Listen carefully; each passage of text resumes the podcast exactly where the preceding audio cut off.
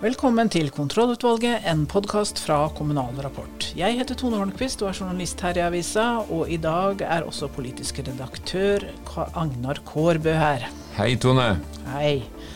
Først skal vi til eh, flyktningsituasjonen og Ukraina. Fagsjef i KS Nina Gran har oversikt over bosettingssituasjonen for flyktninger.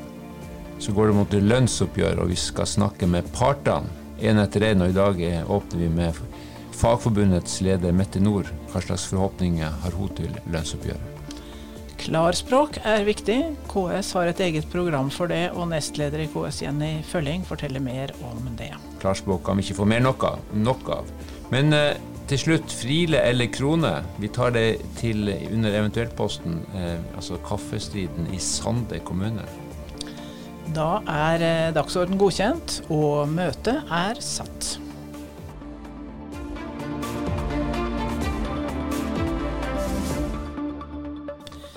Krigen i Ukraina opptar oss alle, og krigen fører til at mange mennesker er på flukt. Noen av disse kommer til eh, Norge, og fagsjef eh, Nina Gran i KS kommunene vil jo gjerne ta imot flyktninger. Eh, hva må de gjøre nå? Ja, det er jo ganske mye som skjer i kommunen nå. Det er jo både forberedelse på bosetting, og der er det jo særlig boliger som er en stor utfordring. Og For en del kommuner blir det jo også en del arbeid med å være vertskommune for nye asylmottak som nå man planlegger å opprette rundt omkring i landet. Hvilke andre utfordringer er det de må ta tak i i den første innledende fasen, hvor vi ikke helt har oversikt over hvor mange som kommer og, en del sånne ting? Ja, Det er jo veldig vanskelig å si hvor mange som vil komme. Og det er jo veldig uoversiktlig også dette med hvor mange har kommet. Og vi har jo et system nå hvor eh, man skal registrere seg ved Råde ankomstsenter.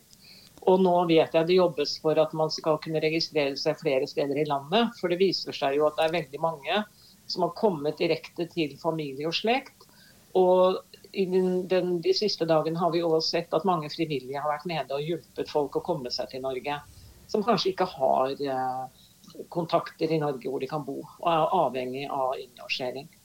Så det, En av de store utfordringene nå er jo de som har kommet og egentlig er her som turister, men som kanskje ikke som vil ha behov for eh, hjelp fra det offentlige. Og det har de ikke krav på før de får registrert seg som eh, asylsøker. Kan det bli for mange gode hjelpere i denne fasen nå? Det er vanskelig å si. Det er jo en, et enormt behov. Og det er jo kjempebra at så mange stiller opp. Men det er viktig at vi får dette inn i de eh, si, etablerte formene gjennom UDI og IMDis uh, mottak og bosettingssystem. Det er nok det viktigste nå. Og det bør jo kanskje også personer være klar over når uh, man kommer, hjelper folk å komme hit, at de må raskest mulig sørge for å bli registrert. og for å kunne få hjelp fra det offentlige til innlosjering bl.a., hvis ikke dette foreligger fra før. Hva er det staten må sørge for er på plass nå, sånn, med tanke på det kommunene skal gjøre?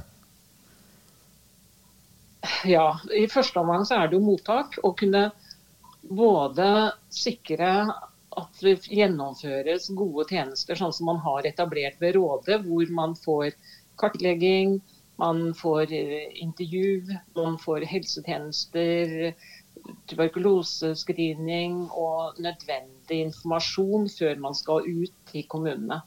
Og dette med kartlegging er jo også veldig viktig for å tenke på god bosetting. Og staten jobber nå veldig med å etablere mottak hvor folk skal bo i noen uker før de skal ut i kommunene. Så blir det jo da i neste omgang veldig viktig å, å få til et godt apparat i kommunene. Og der er man jo veldig avhengig av fagfolk, bl.a. Og også personer som kan eh, over, altså tolke på dette språket. Det har vi kanskje ikke så mye av fra før. Så Det blir eh, veldig stort behov for barnehage- og skoleplasser. i og med at det er veldig, Den gruppen som kommer nå, er jo hovedsakelig mødre med barn. En annen gruppe enn de øvrige flyktningene vi mottar. Så det, blir, det må nok bli et veldig fokus på barna i første omgang. Er det noen flaskehalser du ser kan oppstå i, i den, de nærmeste ukene? Det er vanskelig å si. I og med at det er så usikker den situasjonen vi har. Men jeg ser jo at KS sendte ut en pressback til alle ordførerne i Norge. Og vi har jo fått 300 tilbakemeldinger, nærmere 300 tilbakemeldinger hvor man sier at dette ønsker vi å bidra til, og vi vil bosette flere. Og jeg tror nok at de fleste nå vi jobber på spreng for å få til en eh, økt bosetting og, og en god mottakelse av de som kommer. Men det er mange kommuner som har lagt ned sin eh, flyktningvirksomhet. Det har jo vært to veldig stille år under pandemien. Er det en enkel sak å opprette det igjen? Nei, det tror jeg ikke. Jeg tror eh, altså det ene, som sagt, det praktiske med bolig, og det er en utfordring. Men det med tilstrekkelige fagfolk kan være en stor utfordring. Hvordan man skal løse det. Så man må nok kanskje avvike noe fra regelverket i forhold til eh, rask oppstart og, og, og, gjennomføring av eh, program. Men de vil nok klare det. Men det er nok, det er nok uh, mye som mangler i å, å tilby de tjenestene som man gjør med vanlig bosetting sånn umiddelbart. Så men, det er nok mange spørsmål vi ikke har svar på enda. Men det er litt sånn som med pandemien. Jeg tror vi må få være forberedt på at dette kan ta lang tid, at det vil gå gjennom ulike faser. Så får vi håpe på det motsatte. Ja. Men uansett, vi sier takk til deg, Nina Gran. Håper, ønsker deg lykke til, og ikke minst ønsker kommunene lykke til med et viktig arbeid i tida framover.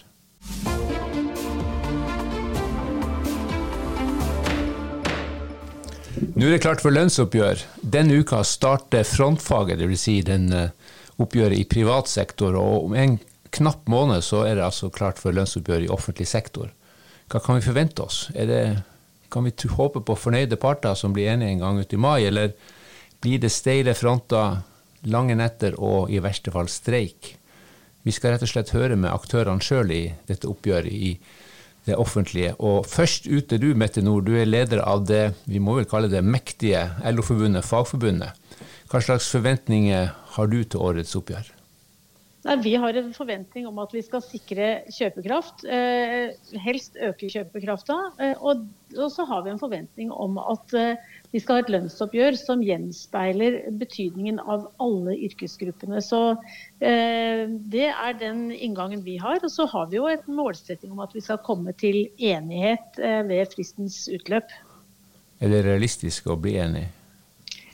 Altså, Det bør være mulig, eh, og vi skal gjøre det vi kan for at vi skal finne en forhandlingsløsning. Men dere ønsker ikke å trekke fram én yrkesgruppe, gjør dere det? Nei, vi tenker jo at eh, vi er jo sånn skrudd sammen i kommunesektoren at eh, alle er avhengig av hverandres arbeid. Eh, og et lønnsoppgjør det skal være eh, sånn at alle som bidrar med sitt arbeid, de skal også eh, få sin andel av den økonomiske utviklingen i landet.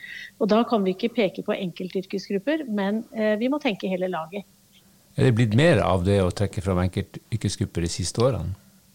Det er i hvert fall eh, vært en veldig sånn eh, polarisering til eh, noen grupper. Og det har sikkert med at vi har noen eh, forbund også som er, har kun noen få yrkesgrupper eh, å jobbe for. Men vi tenker jo også at eh, de profesjonene også er avhengige av andres arbeid hvis de skal få gjort jobben sin, enten det er i skoleverket eller i helse. Er det denne splittelsen her som du antyder som blir den største utfordringa, eller andre ting? Jeg tenker jo, Vi har jo sett eh, at man har gått ut med noen ganske store eh, ambisjoner og forventninger i eh, enkelte steder. Og det er klart det, det øker jo et visst press. Kan du, sånn, litt, kan du, si hvilke du peker på det? Nei, altså både, både altså flere Unio-forbund som har vært ganske tydelige på store tillegg. Og hvis noen skal få mer, så betyr jo det at noen andre skal få mindre. Eh, og når vi da ser hvor viktig hele laget er, så kan ikke det være en løsning for oss, i hvert fall. Hvordan går det med frontfagsmodellen, altså det prinsippet om at de som jobber i privat konkurranseutsatt sektor, skal legge lista for hvor høye, høy tilleggene blir? Kommer den til å ryke nå?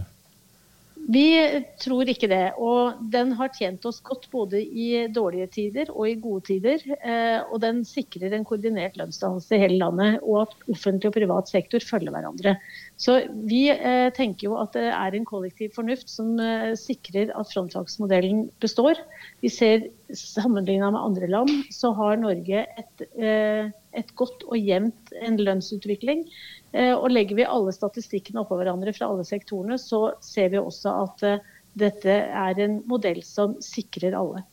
Men selv om det skal være likt over hele laget, som du antyder, så er det jo noen grupper som man trenger som det kan være kampen om å få de, de, rekruttert dem til kommunesektoren. Er ikke det da greit å kunne friste med skikkelig god lønn?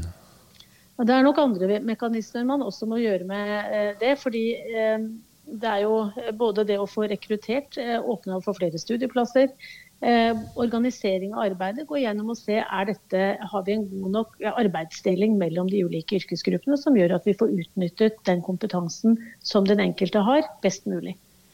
Du er jo um, sentral i LO, og LO har jo som kjent god kontakt med Arbeiderpartiet.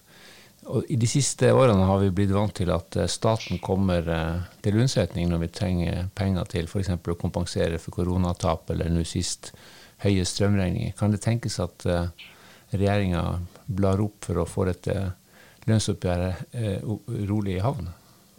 Nei, det tror jeg ikke vi skal forvente. Dette er partenes ansvar. og Eh, det å eh, komme med kunstig stimulans til kommunesektoren. Da er det viktigere å få heller eh, en bedre kommuneøkonomi som sikrer god bemanning jevnt over, enn at man skal pøse inn penger i et lønnsoppgjør.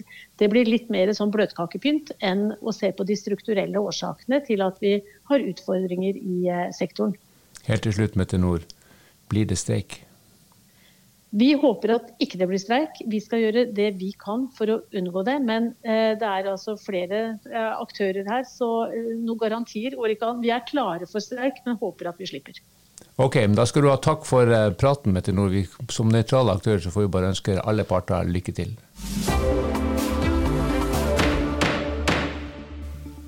Hovedstyret i KS de vedtok jo nylig å videreføre arbeidet med klart språk i kommunesektoren.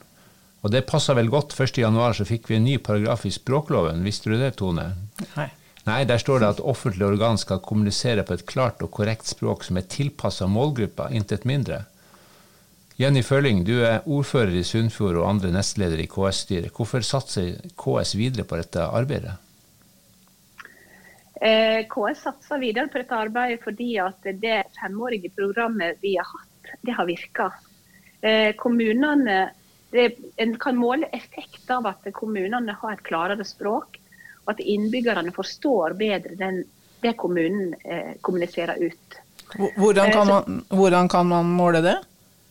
Har dere gjort det? Eh, ja, en har gjort det. Bl.a. Bergen kommune som fikk eh, Klart språkprisen. Eh, de målte at 83% av innbyggerne syns at eh, Bergen kommune hadde et forståelig språk. Og det finnes andre, undersøkelser også som gjør at eh, vi ser at eh, KS sin innsats med opplæring, med kurs og bevissthet rundt klarspråk, det har virka. Det er veldig bra. Det gleder et klarspråkhjerte som mitt. Men det er jo samtidig sånn at uh, omtrent halvparten av kommunene ikke har gått i gang med dette her. Ja, og, og oppmodinga må jo være at alle kommunene blir med på dette her. For språk er makt. Og språket er vårt viktigste verktøy for å opprettholde et levende demokrati. Og Derfor blir det så utrolig viktig at alle har bevissthet rundt dette.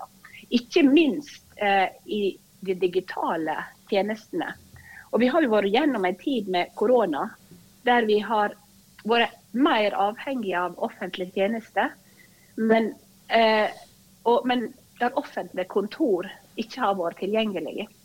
Og, og, Der har vi sett til fulle hva viktig det er at eh, nasjonale myndigheter og kommunale og regionale myndigheter snakker eh, klart og får ut livsviktig informasjon til innbyggerne. Så vi har virkelig sett eh, effekten av å, å ha et eh, klarere språk. Sunnfjord er jo en eh, sammenslått kommune hvor du er ordfører. Hvordan har dere brukt klart språk i, denne, i dette sammenslåingsarbeidet? Eh, Klarspråk er jo på en måte tatt inn i, i alt vi gjør og alt vi sier. Eh, og eh, i en sammenslåingsprosess så er jo informasjon og kommunikasjon noe som er helt avgjørende.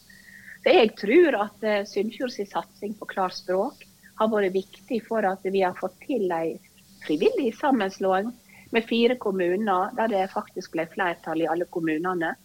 Og da, i den nye kommunen er ganske fred og harmoni, og en har en stor bevissthet rundt at en skal bygge den nye kommunen. Og det er det som er temaet, og ikke oppsplitting av kommunen. Det er bra.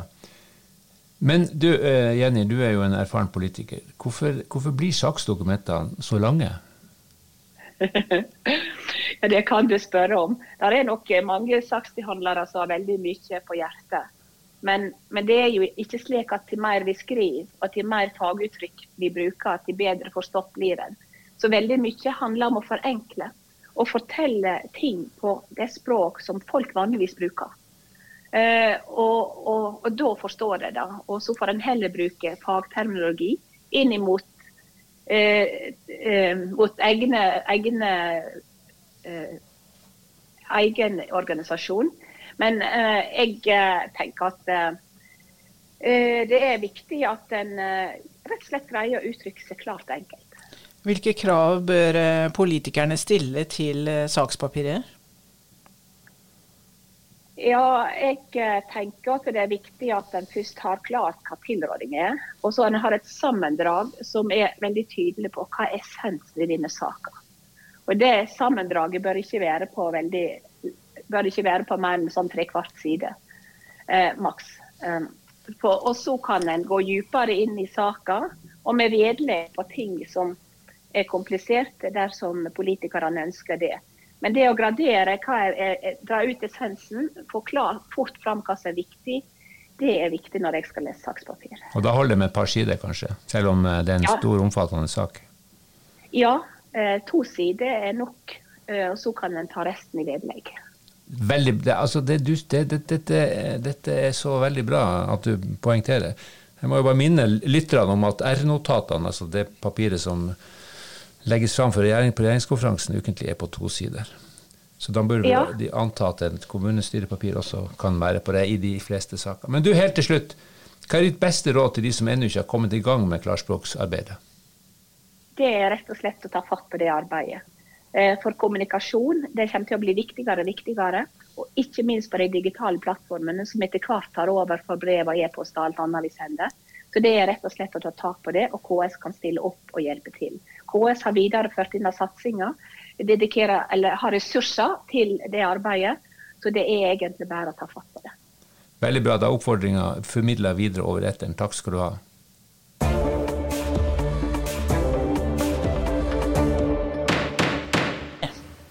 Da er vi kommet til eventuelt, og det skal handle om kaffe. Ja, kaffepauser er jo en viktig, viktig del av arbeidslivet, vet du, og også i Kommune-Norge. Og i Sande kommune i Møre og Romsdal, på et bo- og behandlingssenter der, er det blitt gruff pga. kaffen. Men det er jo kaffe som kurerer gruff, er det ikke det? Ali kaffe skal jo visstnok da kurere gruff og annet ubehag, men eh, på Vestlandet så er det jo en kaffefavoritt av dem har jo sin egen, og det er eh, Friele. Friele, det var han som var ordfører i Bergen i sin ja, tid? Ja, han har jo et kaffehus, vet du. Så damene på bo- og behandlingssenteret har lagd et opprop med over 30 underskrifter, for de vil ikke ha kronekaffe. De har fast lønnstrekk for kaffen, men de to siste åra har de altså fått kronekaffe, og det er de skikkelig misfornøyd med. For de har krevd, I to år har de prøvd å få Friele-kaffe, da. Men nå har altså vestlandsnytt.no tatt saken, som det heter, og da kan det bli en uh, løsning. Gjennomslag for Friele-tilhengerne, er det det du sier? Kommune, kommunedirektøren eh, Anders Hammer sier til, til Vestlandsnytt at eh, det, han ikke har hørt om problemet før, men at det kan bli en løsning. Og han nærmest garanterer det, altså, at dette skal ordne seg. Hvordan skal han fikse det? Ja, altså Det er et sånn innkjøpssamarbeid med syv kommuner som kjøper inn kaffe.